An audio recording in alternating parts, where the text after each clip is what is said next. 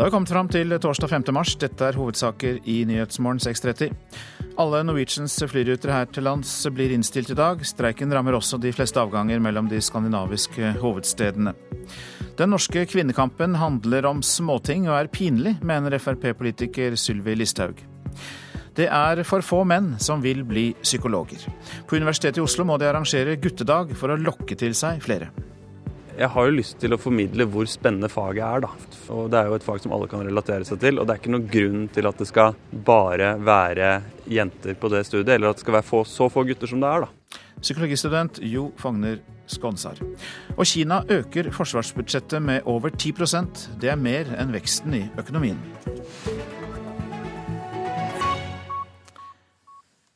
Men eh, først om den norske kvinnekampen, som er pinlig. Det mener Frp-politiker eh, Sylvi Listhaug. I en kronikk i VG i dag skriver hun at den norske kvinnebevegelsen bør droppe kampen for lik lønn og offentlig barnehagedekning.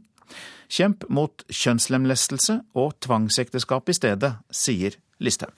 De er mest opptatt av sin egen navle. Eh, oss som greier oss sjøl, som er likestilte og har alle muligheter bør faktisk tenke på alle de som ikke er det på en dag som det. Leder av Fremskrittspartiets kunnskap- og familieutvalg har fått nok.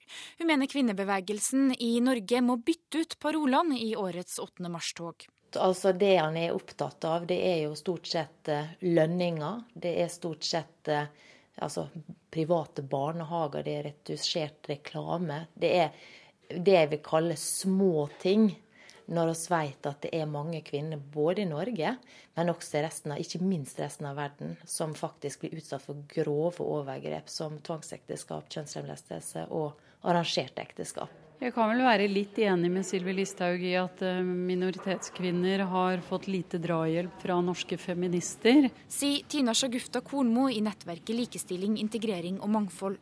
Hun mener likevel Listhaug gjør én stor feil når hun kritiserer kvinnebevegelsen. Eh, når det er sagt, så er det vel ikke slik at eh, vi har hatt for lite fokus på tvangsekteskap, eh, kjønnslemlestelse og de tingene som Listhaug nevner i kronikken.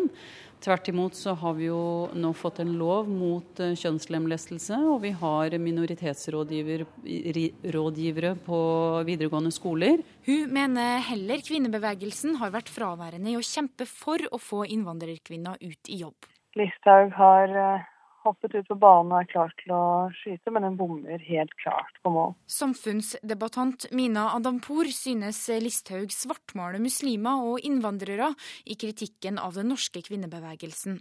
Det nører jo opp under et bilde av de og oss, og at eh, det finnes særskilte problemer hos de andre som vi ikke lenger har. Det er viktig å stå opp for de som ikke er likestilt og har alle muligheter. De finnes i vårt land, og de finnes i resten av verden.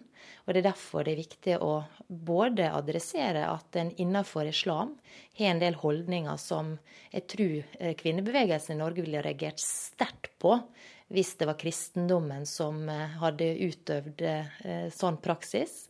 Skal du gå i tog da om et par dager? Nei, jeg føler at kvinnebevegelsen i, i Norge er veldig fremmed for meg. Fordi at det er venstresida som har kuppa eh, den dagen.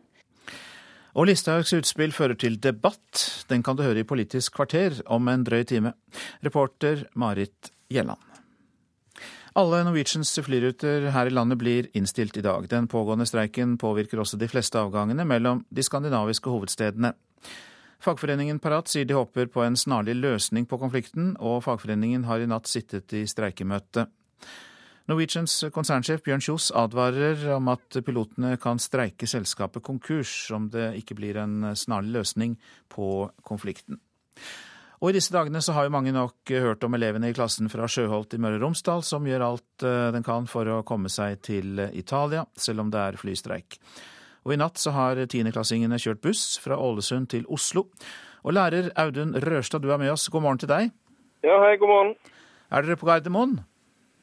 Nå er vi klar til eh, å komme oss til Roma, og det ser eh, lyst ut. Så det er gode nyheter.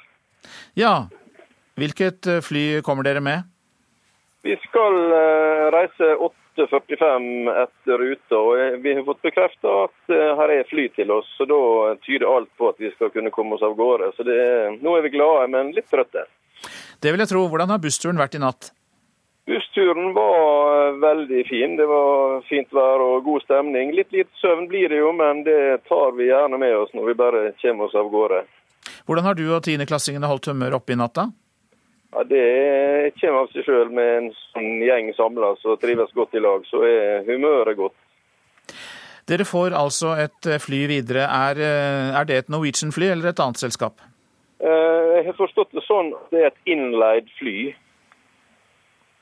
Som de bruker for å frakte dere ned, ja. Ja, ja.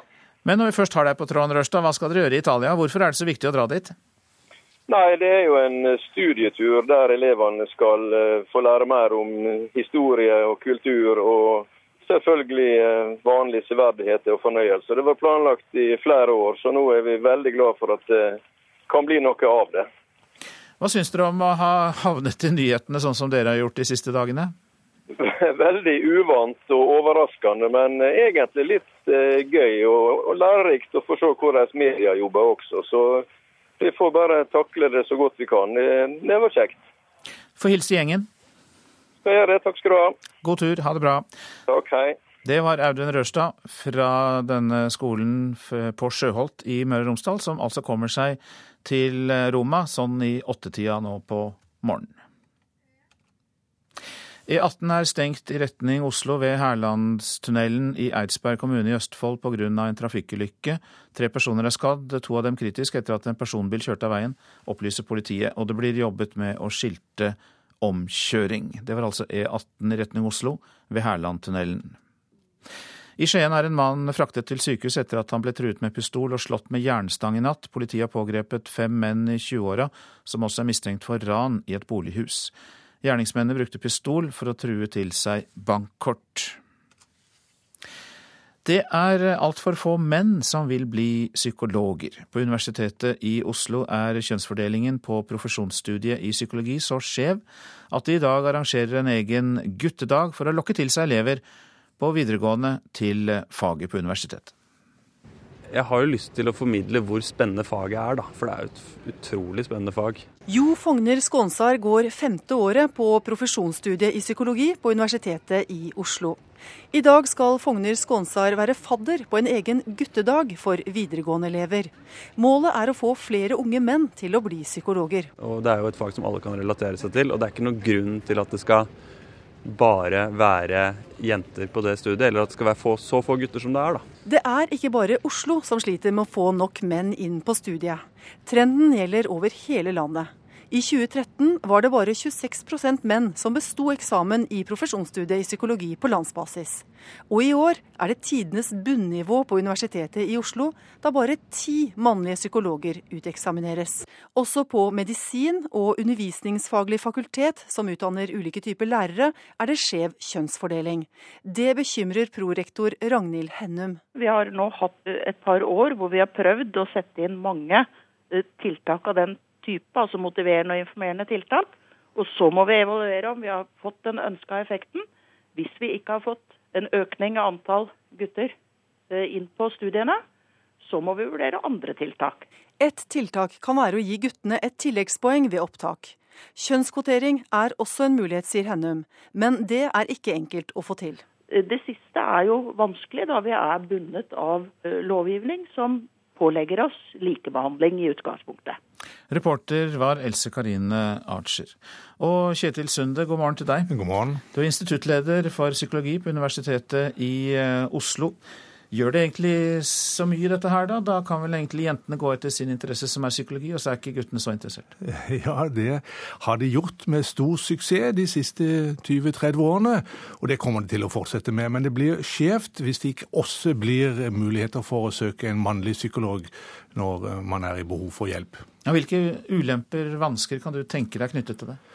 Det er en del situasjoner, som f.eks. i familiebehandling, barnefordelingssaker, eh, utagerende gutter på skolen, eh, volds- og rusproblematikk, hvor eh, det å kunne spille på begge kjønn i behandlingsapparatet er nærmest påtrengende, vil jeg si. Vi hørte jo en student i innslaget her skryte av faget, som var veldig interessant. Men hvorfor tror du at mange mannlige studenter likevel ikke lar seg friste? Ja, altså De lar seg friste. Vi, vi uh, har tallene for de siste årene i Oslo på at det er rundt 6000 som søker på de 120 studieplassene. og Av disse så er det over 1000 gutter som søker. Så gutter søker. Kanskje ikke mange nok, derfor har vi denne guttedagen i dag. Men er de ikke flinke nok, da? Det er noe med det. Opptakskriteriene i disse mm, studiene som baserer seg på karakteropptaket, gjør at jentene vinner med et poeng. Hva skal du gjøre med det? Vi, eh, kan du gi dem eh, ekstrapoeng? Kan du gi dem eh, kjønnspoeng? Ja, det er dette som, som, har vært diskutert. og Jeg skjønner det er en utfordring for samfunnet å gå. Jeg, jeg tenker at universitetet selv må få lov til å finne det, det konkrete tiltaket som skal iverksettes på det nivået. Vi gjør vårt for å motivere flere gutter til å søke, også de flinke gutta. Nå har vi fokusert på kvinner og menn. Men er det ikke også et stort behov for psykologer med annen type bakgrunn, minoritetsbakgrunn f.eks.? Absolutt. Eh, derfor så har vi nå i flere år forsøkt å motivere også den gruppen av, av, mulige studenter til å komme til oss. Vi går på skolebesøk. Vi bruker rollemodeller i, i måten vi fremfører um, studiet vårt på. Men der er det vanskeligere å finne konkrete tiltak enn nettopp dette med å få flere menn inn. Det er første prioritet nå. Det er altså ti på faget nå, så vidt jeg vet, på Universitetet i Oslo. Hvor mange håper du å få inn til høsten gjennom disse guttedagene? Ja, I år er det et bunnivå, det skal sies. Eh, det har ligget rundt 25% gutter. Eh, men det har vært en nedadgående trend. Eh, nei, jeg skulle i utgangspunktet ønsket meg 50-50. Det ville vært i likestillingens ånd. Det tror jeg blir vanskelig å få til. Men å ha en ambisjon om at vi skal komme godt over 30% helst opp i 40% det er målet vårt. Da arrangeres det altså guttedager for å få flere til å slutte seg til eh, deg og de andre, Kjetil Sunde, ved eh, profesjonsstudiet i psykologi på Universitetet i Oslo. Takk for at du kom. Så skal jeg ta for meg avisene. Kabinforeningens leder beskylder Bjørn Kjos for splitt og hersk. Det er oppslaget i Dagens Næringsliv. Marit Lindén mener Kjos splitter fagforeningene i ulike selskaper for å ta fra dem makt og retten til arbeid. Bjørn Kjos avviser påstandene overfor.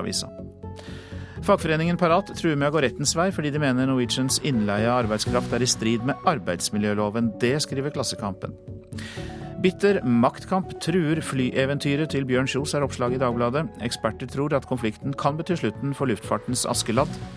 Børsverdien har stupt fra 11 til knapt 4 milliarder kroner siden slutten av januar. Én av to kjenner ofre for overgrep. Det viser en ny kartlegging gjengitt i Dagsavisen. Og mer om Redd Barnas kampanje mot seksuelle overgrep, også her i Nyhetsmorgen etter klokka sju.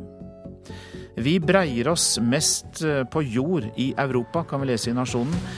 Det betyr at Norge legger beslag på mest areal per innbygger i Europa, og at vi bygger matjorda sakte, men sikkert ned. Det sier Lars Haltbrekken i Naturvernforbundet til avisa. Klappet på kinnet og kalt lille venn, skriver Vårt Land. Hersketeknikker og stereotypier holder kvinner i frikirkelige miljøer nede, mener kvinnelige ledere der. Damer skal være lovsangere og bønneledere, men ikke preke, sier pastor Linn Sæbø fra Oslo Vestre frikirke.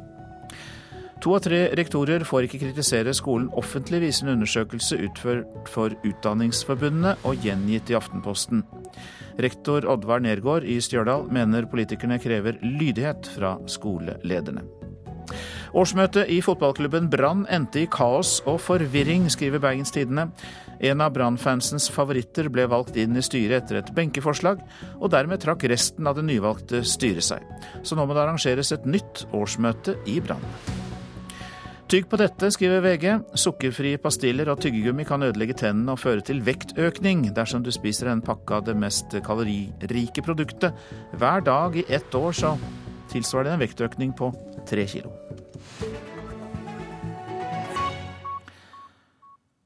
Vi går inn i sportens verden, for sykdom og dårlige resultater har jo preget sesongen til Tarjei Bø. Men likevel er skiskytteren optimist før VM i Finland nå. I 2013 snudde han nemlig en elendig sesong til VM-suksess med tre gull. Og det motiverer foran årets mesterskap. Latteren er velkjent, men først og fremst har det vært mye frustrasjon for Tarjei Bø denne sesongen. Var jo i, i superform og jeg har et veldig bra grunnlag i år. Men det har gått litt på tverke i vinter, og det, jeg får håpe at den grunntreninga ligger der fortsatt, og at den kan slå inn med en bra form i VM. For han ble friskmeldt akkurat i tide til å rekke VM. Sesongen har vært haltende med mye sykdom og dårlige resultater. Elstemann Bø må derfor finne seg å være outsider for mesterskapet. Akkurat slik han var for VM i 2013, hvor han til slutt tok tre gull. Her kommer gutten fra Markane, og han blir verdensmester på fellesstart! Tenk det, da! Etter det året han har hatt! Det er ikke til å tro! Han sa før løpet han skulle ta medalje! Den medaljen, den blir! Slike minner motiverer stryningen før kveldens VM-start. Ja, det er det faktisk. Eh, spesielt hvis det går dårlig, sånn som det har gjort litt nå i vinter. da, med med litt avbrekk og sånne ting med sykdom, så, så tenker jeg litt tilbake på det, den sesongen. For da hadde jeg òg eh, litt avbrekk, og likevel klarte jeg å, å lykkes med VM-gull. Så da tenker jeg litt tilbake og tenker at jeg har klart det én gang. Og selv om jeg sliter litt nå, så kan jeg klare det igjen. Og Tarjei Bø skal gå åpningsdistansen mixed stafett sammen med lillebror Johannes Tingnes Bø.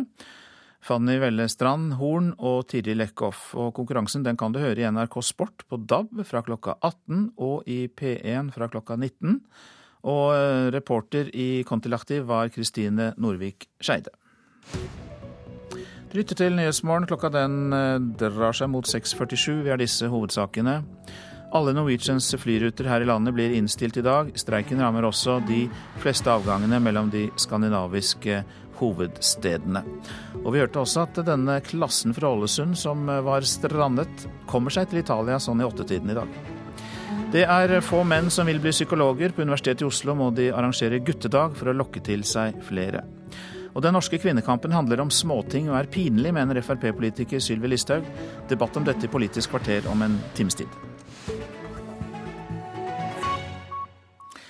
Kina skal øke forsvarsbudsjettet med over 10% Statsministeren opplyste i sin tale ved åpningen av Folkekongressens årlige sesjon i dag.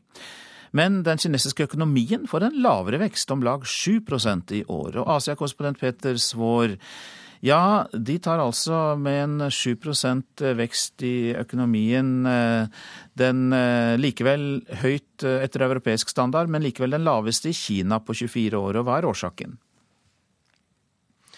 Eh, ja, denne talen ved åpningen av Folkekongressen er jo nærmest eh, Kinas eh, State of the Union-tale, der statsminister Li legger frem hovedlinjene for politikken i året som kommer. Og Først og fremst betyr dette vekstmålet at kommunistpartiet her ser i øynene en kinesisk økonomi hvor hjulene går saktere rundt enn på lenge. Og det i seg selv er en ganske stor utfordring for en ettpartistat der lederne i så stor grad har fått sin legitimitet først og fremst gjennom å levere vekst og økt levestandard til vanlige vanlige kinesere. Og Kina har jo ikke utfordringer bare med veksttakten, men også hvor veksten kommer fra.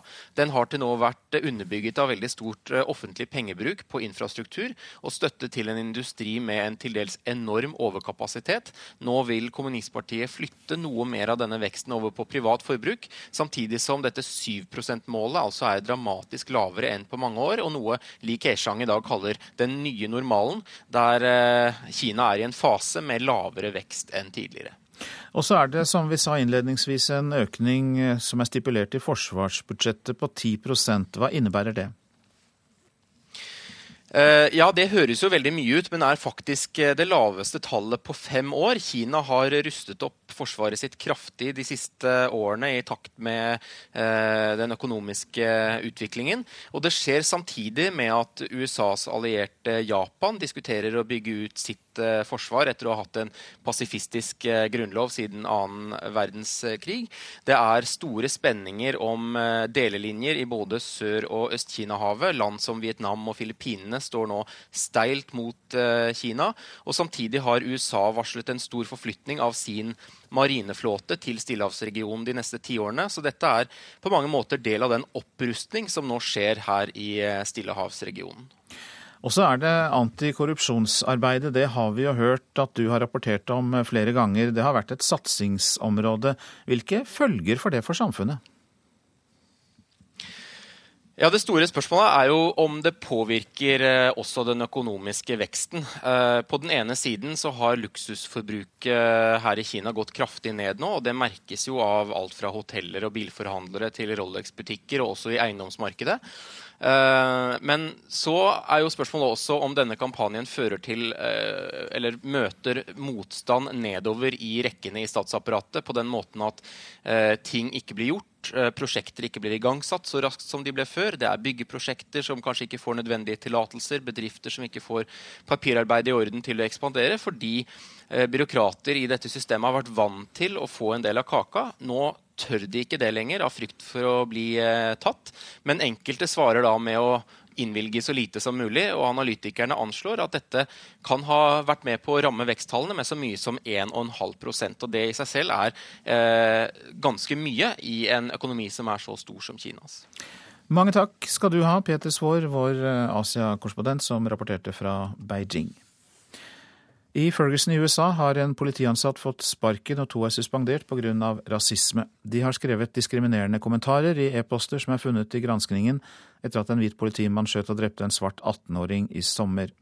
USAs justisminister Eric Holder mener politiet i Ferguson systematisk diskriminerer det svarte flertallet i byen. Irans utenriksminister Mohammad Javad Zarif sa i går at Iran og vestlige land står svært nær en avtale om landets atomprogram. Zarif har i to dager sittet i møter med USAs utenriksminister John Kerry for å få en avtale før fristen løper ut i slutten av måneden. Kerry sa etter møtet at det fortsatt er viktige spørsmål som må avklares før en avtale kan bli underskrevet. Og det var altså om Irans atomprogram. I går kom flere reaksjoner på at boka til den korrupsjonssiktede politimannen Eirik Jensen gis ut, mens etterforskningen fremdeles pågår. Samtidig avholdt forlagsbransjen sitt aller første etikkmøte, der de diskuterte omstridte enkeltbøker. Vi tror at det er en god læring i å drøfte eh, de utfordringene eh, forlagene får i forhold til visse typer utgivelser. Man, man, bør ha noen vanskelige utgivelser med visse mellomrom for å øve opp refleksen og eh, måte, forståelsen for uh, hvordan man skal løse uh, de problemstillinger som oppstår i forbindelse med det du kan kalle litt krevende utgivelser. Direktør Kristen Einarsson i Forleggerforeningen inviterte i går til uh, internt etikkseminar for forlagsbransjen. Samtidig lanserte den korrupsjonssikta politimannen Eirik Jensen en sjølbiografi. Boka møtte motbør, bl.a. fra advokat Harald Stabel. Man skal ikke tjene på å ha begått straffbare handlinger ved at man blir eh, mer kjent eller eh, populær. Eh, et forsøk på det. Det er feil og blir feil. Advokat Benedikt De Vibe, som representerer den narkotikasikta forretningsmannen Gjermund Cappelen, reagerte også. Det er pga. saka mot Cappelen at Jensen nå er korrupsjonssikta. De Vibe kaller overfor nrk.no boka for et forsvarsskrift. Det ble blankt avvist av forlegger Erling Kagge. Eirik Jensen har behov for å snakke og fortelle om sitt liv i politiet gjennom 32 år. Det han har vært med på av meget spesielle operasjoner.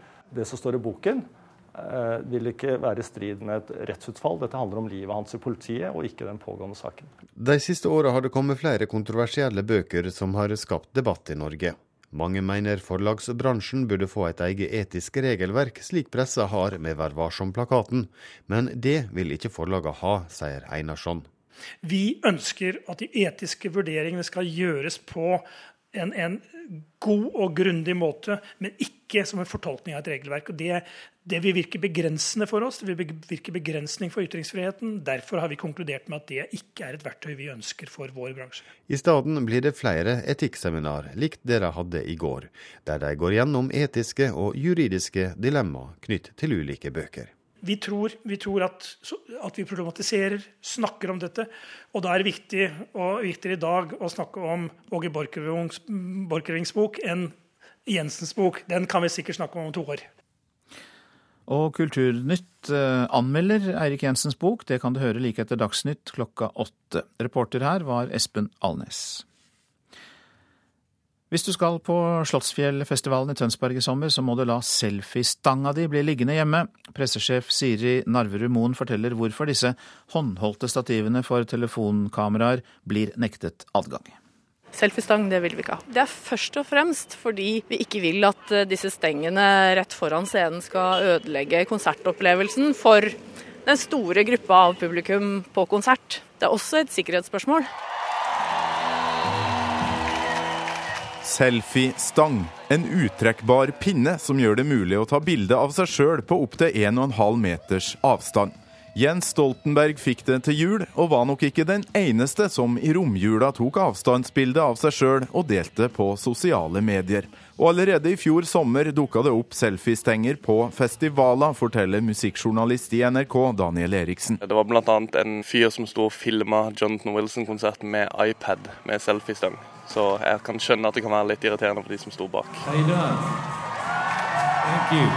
I tillegg til Slottsfjell i Tønsberg har også Bergenfest bestemt seg for å forby selfiestang. Øyafestivalen, Tons of Rock og Steinkjerfestivalen vurderer et forbud, og sjefen for de to sistnevnte, Svein Bjørge, syns det er trist at det i det hele tatt er blitt et problem. Litt trist og litt patetisk. Eh, det er jo tydelig at eh, for noen er det viktigere å eksponere at de har vært på akkurat den konserten, enn å faktisk være på konserten. For det er klart, når du er i festivalmodus og er i konsertmodus, så, så nyter du konserten. Men eh, noen er tydeligvis mer opptatt av å fortelle at de har vært der. Og det er ikke bare et festivalproblem. I England har fotballklubbene Liverpool, Manchester United og Tottenham innført forbud fordi det er irriterende for sidemann på tribunen å få selfiestenger vifta opp i ansiktet. Og i USA har Smithsonian-museene forbudt selfiestenger pga. sikkerheten til besøkende og til de svært kostbare utstillingsobjektene i museet. Du blir også stoppa i døra hvis du tar med selfiestang på store konsertarenaer som O2 og Wembley. Forståelig, mener festivalsjef Svein Bjørge. Når det blir en vegg med sånne selfiestanger, så er det forstyrrende for de som ikke er så opptatt av å vise hvem de er med på konserten.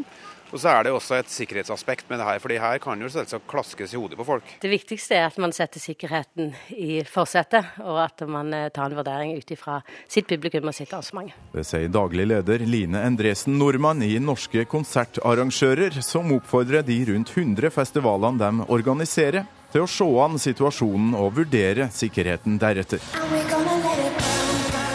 Kanskje løft blikket litt fra den telefonen og sjekke ut hva f.eks. Ellie Golding eller uh, Flogging Molly finner på på scenen foran deg. Ja, da må disse selfiestengene bli stående i garderoben. Reporter her, det var Torkild Thorsvik. Så værvarselet. Fjellet i Sør-Norge, litt snø i vest. I øst stort sett opphold. Fra i ettermiddag sørvestlig stiv kuling.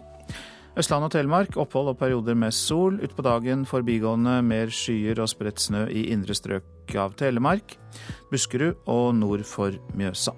Fra i ettermiddag liten kuling på kysten. Agder i vest etter hvert litt regn, snø over 400 meter. I øst opphold og perioder med sol. Seint i kveld liten kuling øst for Oksøy. Vestlandet sør for Stad. Sørlig liten kuling langs kysten. Sterk kuling nord for Sognefjorden. Storm ved Stad. I kveld sørvestlig og minkende vind. Etter hvert regn. Snø over 200 meter, seinere over 400 meter. Møre og Romsdal og Trøndelag øking til sørøstlig sørlig sterk kuling og til dels liten storm på kysten. Først i Møre og Romsdal, seinere dreiende sørvestlig og seint i kveld minkende. Etter hvert regn, først på Sunnmøre. Snø over 100 meter, seinere over 400 meter. Nordland og Troms øking til sørvest liten kuling. Utover ettermiddagen sørlig stiv eller sterk kuling. Noen sluddbyger i Lofoten først på dagen, ellers opphold. Mot kvelden regn eller sludd i Nordland, først i sør. Og så Finnmark. Enkelte sludd- og snøbyger i ytre strøk. Lokal tåke på vidda. I kveld sørlig liten kuling, sterk kuling i vest, og det blir oppholdsvær. Nordensjøland på Spitsbergen, der blir det sørvestlig liten kuling, sludd eller snø. Temperaturene de er målt klokka fire. Svalbard lufthavn minus tre, Kirkenes minus to. Vardø har vi ikke fått inn i dag, men vi har Alta på minus fire. Tromsø-Langnes minus én. Bodø pluss én. Brønnøysund pluss to. Trondheim-Værnes pluss én. Molde-Bergen begge pluss to. Stavanger pluss fire. Kristiansand-Kjevik pluss én. Gardermoen minus fem. Lillehammer minus sju. Røros minus 14. Oslo-Blindern minus tre.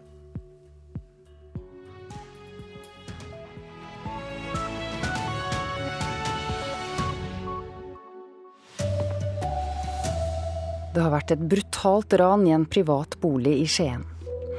USAs ambassadør til Sør-Korea ble i natt angrepet og skåret opp i ansiktet. Her er NRK Dagsnytt klokken sju. En mann er innlagt på sykehus etter at han ble truet med pistol og jernstang i Skien i går kveld. Politiet har pågrepet fem menn som også er mistenkt for væpnet ran i en privat bolig. Gjerningsmennene brukte pistol for å true til seg bankkort, sier operasjonsleder ved Telemark politidistrikt Jan Olaf Jansen. Det var da flere personer som hadde stormet inn i leiligheten og trua dem med våpen. Og trua til seg da eiendelen, bl.a. bankkort og penger. De fem er altså mistenkt for vold overfor en annen mann. Fortell om det. Ja, altså dette her var uh, tidligere på kvelden, uh, ca. ti over ni. Uh, da fikk vi melding om en voldsepisode ute på Kjørbøk i Skien. Det var en person da, som var slått med batong og truet med pistol. Han ble kjørt til sykehus i ambulanse og har sannsynligvis altså fått et brudd i armen. Den etterforskninga vi har foretatt og undersøkelser i saken tyder på at eh, dette er samme folka som står bak både denne legemsbeskalgelsen og ranet. Reporter Anita Moland. USAs ambassadør til Sør-Korea ble skåret opp i ansiktet da en mann med barberblad eh, angrep ham i natt. Ambassadøren holdt en tale i hovedstaden Seoul da han ble overfalt. Han er ikke livstruende skadet. 55-åringen som angrep ham, er pågrepet. I Ferguson i USA har en politiansatt fått sparken, og to er suspendert pga. rasisme. Det skjer etter at Justisdepartementet i går la frem en rapport som avdekker etnisk diskriminering i både politietaten og i deler av rettssystemet i Ferguson. E18 er stengt i retning Oslo ved Hærlandstunnelen i Eidsberg kommune i Østfold etter en trafikkulykke. Tre personer er skadet, to av dem kritisk etter at en personbil kjørte av veien, sier politiet.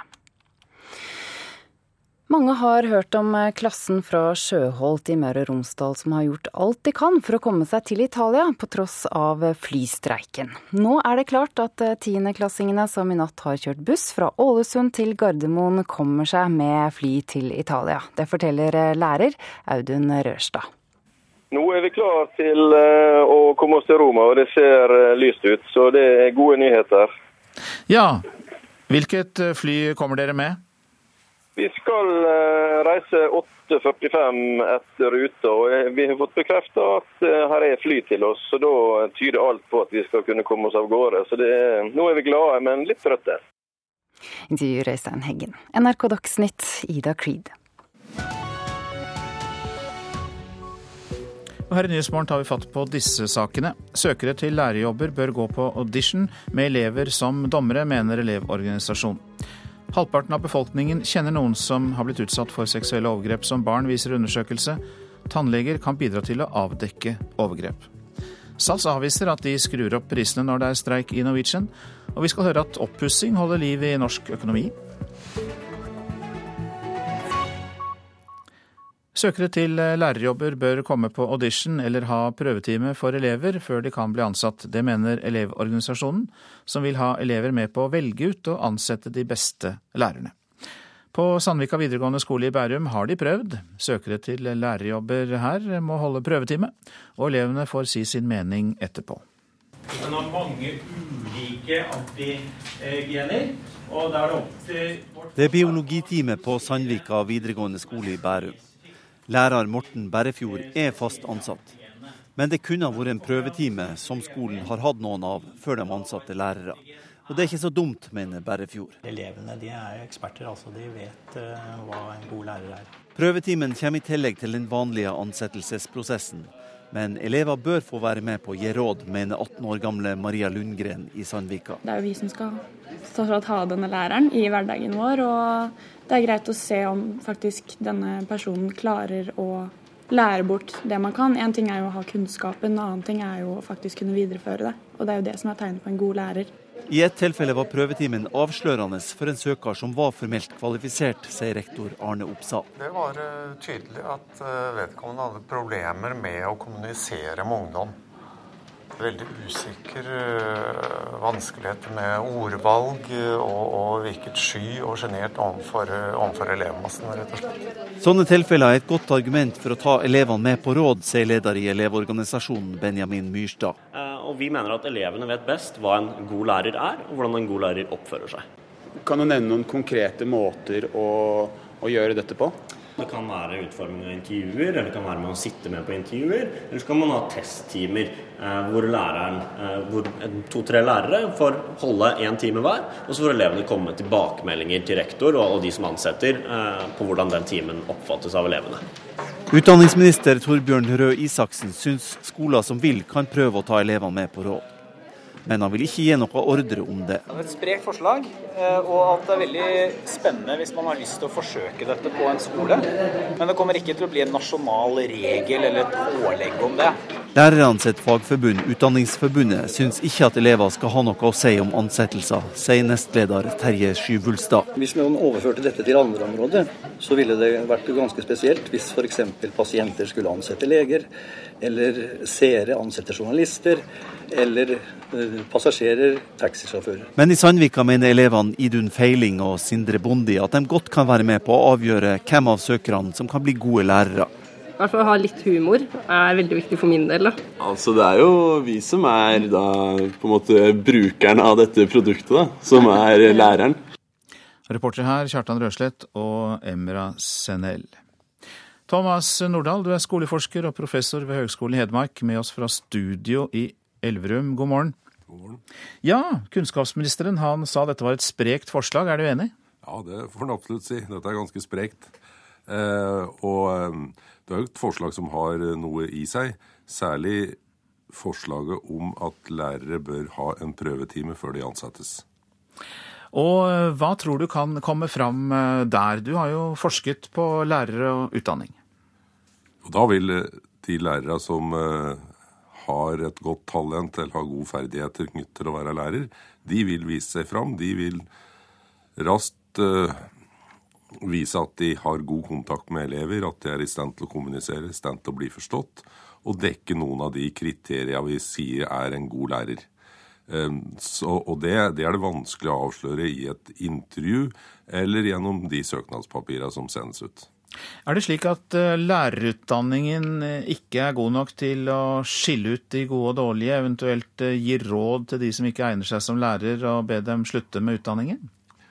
Vi prøver jo å gi råd til de som åpenbart ikke fungerer godt som lærere. Og noen øh, blir heller ikke ferdig som lærere av den grunn. Men samtidig så er det mange veier inn til læreryrket i dag, særlig når det gjelder videregående opplæring. Uh, og der er det nok lettere å, å, å, ta den nødvendige pedagogiske utdannelsen du trenger, uten at det blir prøvd noe særlig i forhold til skikkethet som lærer. Ja, du ser altså positivt på dette forslaget. Kan du tenke deg at det bør kunne bli vanlig? At man kan eh, gå så langt som å anbefale skoler å gjøre dette?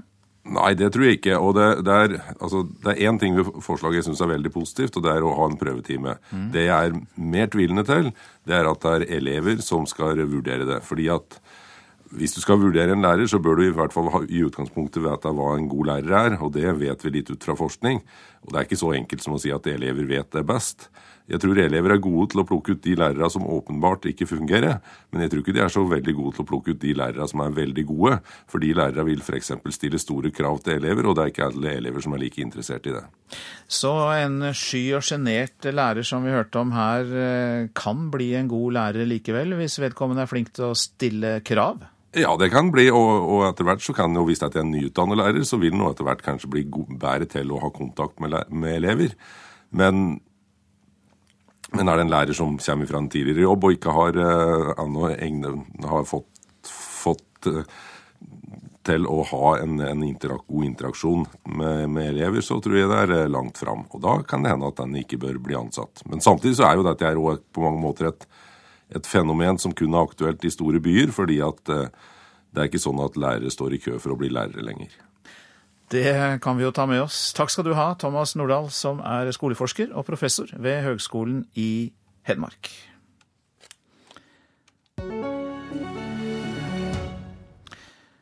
Vi skal nå høre at halvparten av de spurte i en undersøkelse sier de kjenner noen som er blitt utsatt for seksuelle overgrep som barn.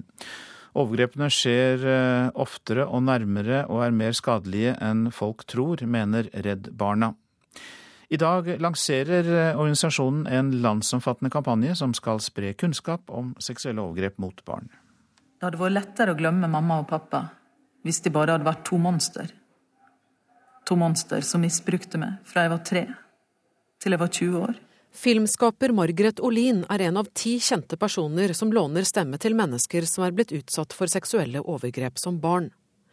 Fortellingene er en del av Redd Barnas landsdekkende kampanje som starter i dag.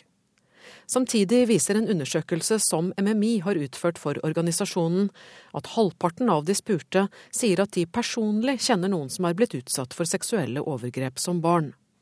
Omfanget er større enn vi liker å tro, sier spesialrådgiver i Redd Barna Lars Due Tønnesen. Tallet er overraskende. Eh, det er ikke sjokkerende, fordi det stemmer godt overens med at det er svært mange som har, eh, i forhold til andre omfangsundersøkelser, som har vært utsatt for seksuelle krenkelser og, eh, og overgrep. Selv om undersøkelsen avdekker mye kunnskap, viser den samtidig at mange vegrer seg mot å erkjenne at også små barn under 13 år blir utsatt for grove overgrep. Jeg tror at det handler om at eh, det er for vanskelig for folk å ta inn over seg. Jo yngre barna er, jo vanskeligere er det å ta inn over seg at eh, voksne mennesker faktisk kan utnytte dem seksuelt. Redd Barna håper kampanjen vil bidra til større bevissthet rundt skadevirkningene av seksuelle overgrep, og at flere voksne tør å spørre barn hvordan de har det. Dere vil tydeligvis at folk skal snakke mer med barna om seksuelle overgrep, og hvorfor det egentlig? Man kan jo forstå at folk syns det er eh, ubehagelig og vemmelig? Ja, men det er, handler om å ta tabuet vekk. da. Det handler om å vise at det faktisk er et problem i samfunnet. Vi snakker jo med barn om at det er skummelt å gå over veien og gå på rødt lys.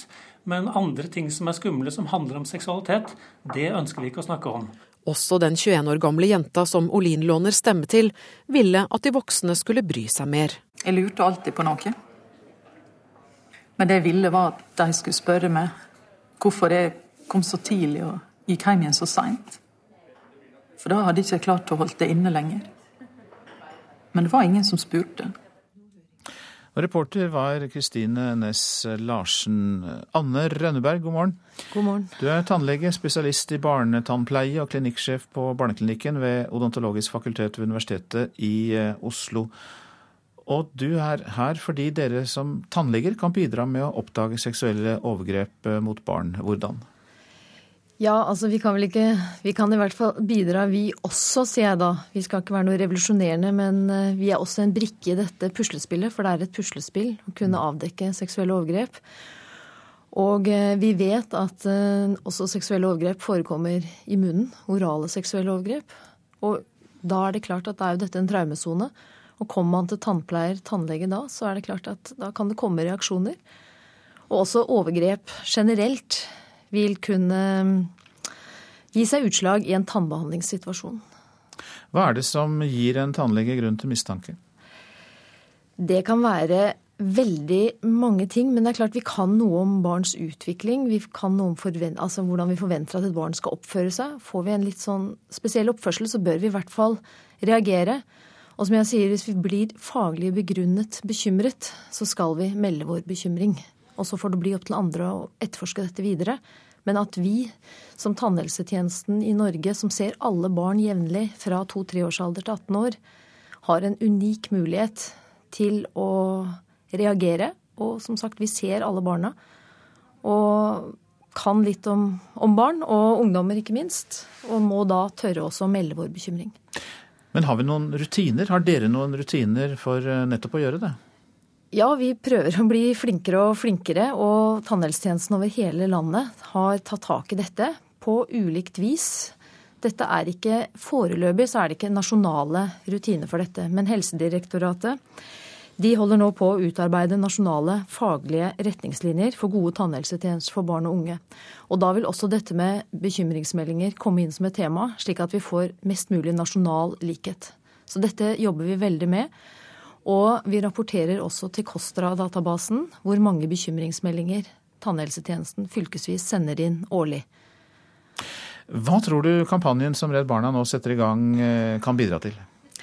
Jeg håper jo dette at man skal få et fokus på hvorfor spør vi ikke. I 2009 så hadde vi eh, som jobber med barn og tannhelse i Norge, en konferanse i Oslo. En nordisk konferanse med alle barneombud til stede. Alle de fem nordiske lands barneombud. Og da het rett og slett konferansen 'Hvorfor spør vi ikke?' Og det tror jeg gjelder alle som jobber med barn og unge. Vi må tørre å spørre litt mer Vi må våge å gjøre det som kanskje er litt ubehagelig, fordi vi er redd for et svar. Men når jeg har snakket med barn, jeg har snakket med, vært på senter eh, mot incest, og som sier alle 'hvorfor har vi aldri blitt spurt'? Og en pasient sa til meg, jeg spurte 'hvorfor i all verden er du så redd'?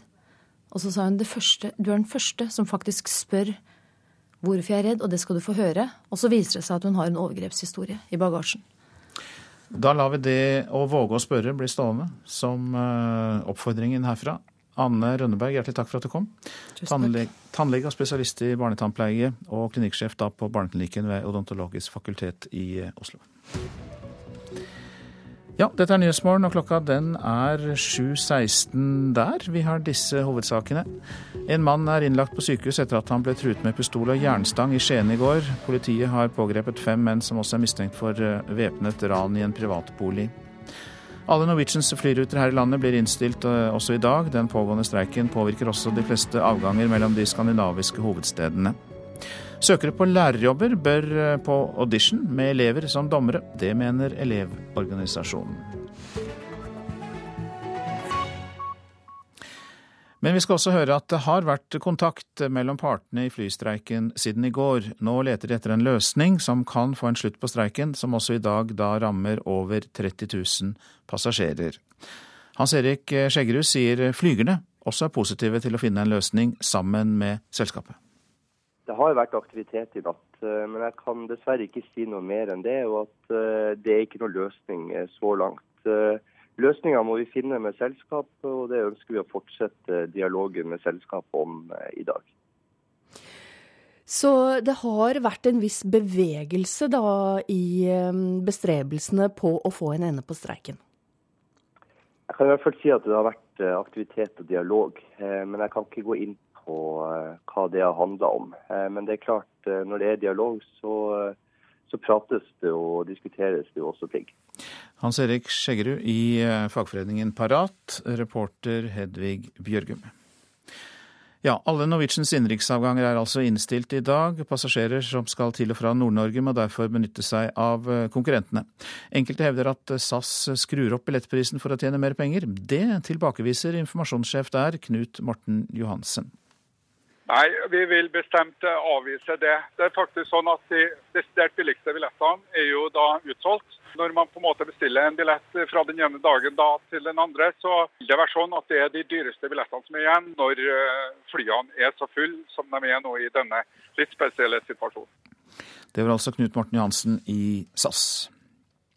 Nordmenn pusser opp som aldri før. Snart eh, svir vi årlig av 70 milliarder kroner på oppussing hjemme.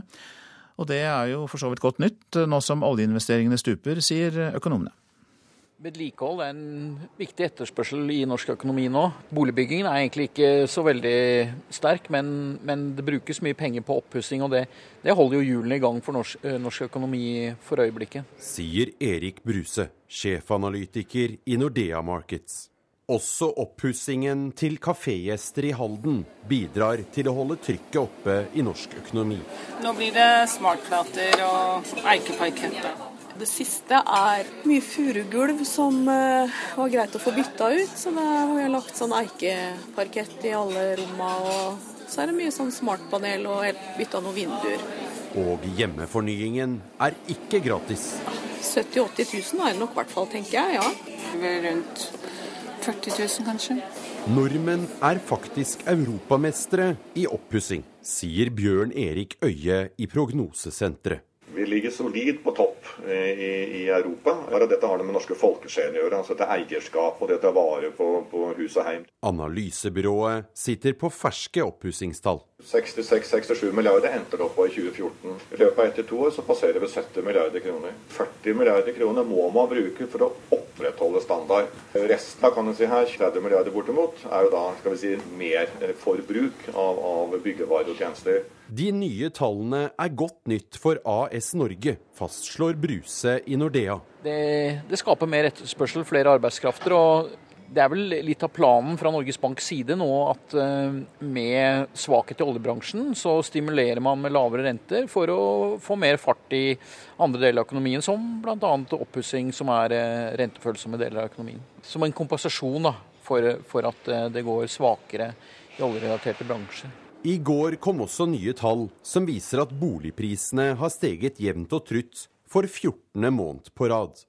Noe av denne økningen skyldes nettopp nordmenns oppussingsiver, fastslår Øye. Ca. en femtedel av boligprisveksten de siste 30 år skyldes vår skal vi si, evne og kunnskap om å vedlikeholde og pusse opp boligene. Men selv om iveren etter å fornye hjemmet kanskje holder liv i norsk økonomi, er ikke alle på gata i Ålesund overbevist om at det er bra for eget budsjett. Det er dårlig eh, butikk å bruke penger på oppussing. Oppussing er jo fint ting, men eh, det er jo å kaste vekk penger, da. Så lenge du har tak over hodet, så klarer du deg fint. Og reporterne som bidrar her, Sindre Heirdal, Trond Øyvind Karterud og Torger Havåg. Utenriks og til Kongo, for krigen der kan bare stoppes ved å kvele inntektene til militsgruppene som får penger fra ulovlig utvinning av gull og naturressurser. Det sier Christian Nellemann ved Norsk senter for global analyse. Han har fått i oppdrag fra FN å utrede et nytt mandat for FN-styrken i Kongo, der nærmere seks millioner mennesker er blitt drept i krigen. Det vi først og fremst vil legge vekt på for å stanse konflikten i Kongo, det er å ta tak i rotårsaken til konflikten, nemlig plyndring av naturressurser for over 1,3 milliarder dollars av organiserte kriminelle. Det er de som finansierer militsgruppene, og det er det som er årsaken til at krigen, krigen som har kostet mer enn seks millioner mennesker livet, fortsatt øh, er pågående i Øst-Kongo. Kongolesiske soldater skyter mot en av militsgruppene i Øst-Kongo. Denne gangen dreier det seg om en gruppe som kom fra nabolandet Rwanda etter folkemordet i 1994. Men etter 20 år med krig, der rundt 6 millioner mennesker har mistet livet, og like mange har blitt drevet på flukt, har verken kongolesiske myndigheter eller verdens største FN-styrke på rundt 20 000 soldater klart å bekjempe de mange militsgruppene og få en slutt på den brutale krigen. Det kartet som vi ser på øh, nå her over Øst-Kongo, det viser forekomsten av diamant- og gullgruver og eh, fordeling av rebellgrupper. Forteller Christian Hellemann ved det nyopprettede Senteret for global analyse som han leder. Han har også fått ansvar for å utrede nytt mandat for den kontroversielle FN-styrken i landet, som er den første fredsbevarende styrken som kan gjennomføre offensive operasjoner. Og Det vi ser, det er jo at militsgruppene først og fremst har konsentrert sin aktivitet både på å ha kontroll på gruvene, men først og fremst smykle ruterne inn i nabolandene. Både FN, Interpol, USA og flere andre land og internasjonale organisasjoner begynner nå å innse at kriger og konflikter ikke kan stoppes kun med militære midler. Det er bl.a. lærdommen fra Afghanistan og Irak, sier Nellemann. Nei, det vi ser nå, er de første tegn på en kuvending i internasjonal sikkerhetspolitikk der man i langt større grad enn tidligere forsøker å ta tak i rotårsakene og i evnen til disse terrorgrupper til å operere, nemlig gjennom deres øh, finansieringskjede. Reporter her Inger Marit Kostabråten. Nå til avisene. Kabinforeningens leder beskylder Bjørn Kjos for splitt og hersk. Det er oppslaget i Dagens Næringsliv. Marit Lindén mener Kjos splitter fagforeningen i ulike selskaper for å ta fra dem makt og retten til arbeid. Bjørn Kjos avviser påstandene. Fagforeningen Parat truer med å gå rettens vei fordi de mener Norwegians innleie arbeidskraft er i strid med arbeidsmiljøloven, skriver Klassekampen. Bitter strid, bitter maktkamp truer flyeventyret til Bjørn Kjos, er oppslaget i Dagbladet. Eksperter tror at konflikten kan bety slutten for luftfartens Askeladd. Børsverdien har stupt fra 11 til knapt 4 milliarder kroner siden slutten av januar. Vi breier oss på mest jord i Europa, kan vi lese i Nasjonen. Norge legger beslag på mest areal per innbygger i Europa, og vi bygger matjorda sakte, men sikkert ned, sier Lars Haltbrekken i Naturvernforbundet. Klappet på kinnene og kalt lille venn, skriver Vårt Land. Hersketeknikker og stereotypier holder kvinner i frikirkelige miljøer nede, mener kvinnelige ledere der. Damer skal være lovsangere og bønneledere, men ikke preke, sier pastor Linn Sæbø fra Oslo Vestre frikirke. To av tre rektorer får ikke kritisere skolen offentlig, viser en undersøkelse utført for Utdanningsforbundet og gjengitt i Aftenposten. Rektor Oddvar Nergård i Stjørdal mener politikerne krever for mye lydighet fra skolelederne. Årsmøtet til fotballklubben Brann endte i kaos og forvirring, skriver Bergenstidene. En av Brann-fansens favoritter ble valgt inn i styret etter et benkeforslag, og da trakk resten av styret seg. Og nå må det arrangeres et nytt årsmøte i Brann. Tygg på dette, skriver VG. Sukkerfrie pastiller og tyggegummi kan ødelegge tennene og føre til vektøkning. Dersom du spiser én pakke av det mest kaloririke produktet hver dag i et år, så tilsvarer det en vektøkning på tre kilo. Folk i Stavanger parkerer ofte bilen og velger å gå. Det viser den nasjonale undersøkelsen av våre reisevaner. Og Stavanger har tradisjonelt vært den store norske bilbyen, men nå begynner altså Siddisen å ligne mer på folk andre steder. Og vi går mye. Jeg går mye tur. Jeg går eh, til bussen, jeg går på, fra sentrum og på jobben. Og, ja. Britt Nærland er en glad vandrer, og i likhet med mange andre siddiser parkerer hun nå oftere bilen og velger å gå. Ja. Tenk på at du får, tri får trimmen. Ja, merker du at det er generelle trend blant folk at de liker å gå litt mer istedenfor alltid å kjøre til butikken rundt omkring? Ja, jeg tror det. Ja. Folk er blitt mer bevisst.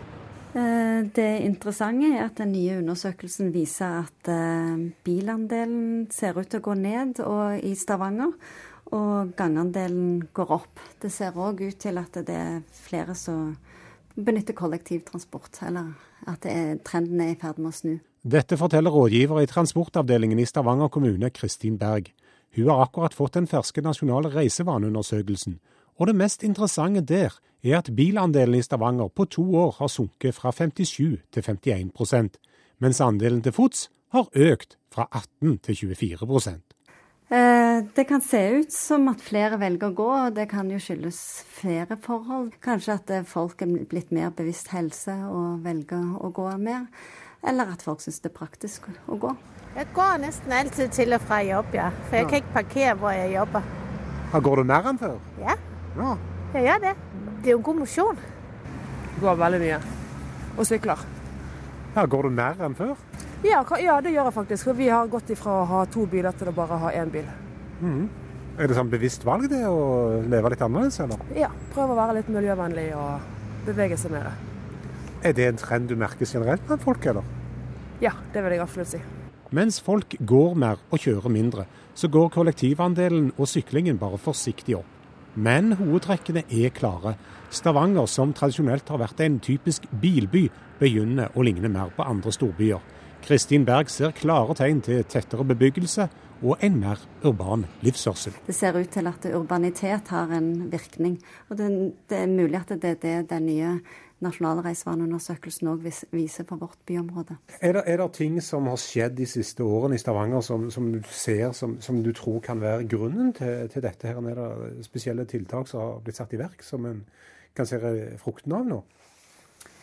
Det er jo en intens jobbing i forhold til å prøve å snu trans transportutviklingen. Og det er jo mye diskusjoner rundt at uh, nullvekstmålet i forhold til at uh, kollektiv, sykkel og gange skal ta veksten i personbiltransporten.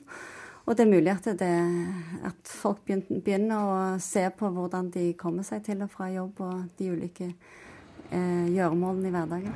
Ja, vi går mye med. Gjør det nå. Vi bor på Lassa og går til byen og går hjem igjen nå. Jo, for å holde litt grann, eh, kroppen i trim. Hjelpe på, det. Reporter var Øystein Ellingsen. Prosent for Nyhetsmorgen i dag, Marte Halsør. Her i studio, Øystein Heggen. Og vi nevner at FrPs Sylvi Listhaug mener parolen i 8. mars-toget bør skrotes, og i stedet bør toget gå til moskeene for å protestere mot kvinneundertrykking i islams navn. Og Listhaug møter SVs Kirsti Bergstø til debatt i Politisk kvarter.